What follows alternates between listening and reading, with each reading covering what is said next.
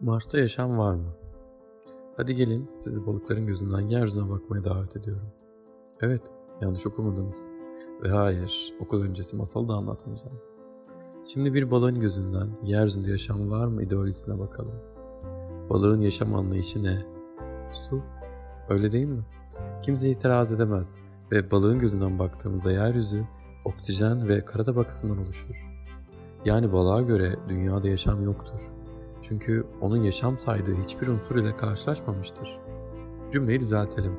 Yeryüzünde balık türünün yaşamı yoktur. Şimdi asıl konumuza dönelim. Mars'ta yaşam var mı? Doğru cümleyle başlıyorum. Mars'ta insan türünün yaşamı yoktur. Peki ya yaşam? Yaşam. Çok göreceli bir kavram. Sonucu soracak olursanız Mars'ta yaşam olup olmadığını dünyada yaşayan biri olarak cevaplayamam.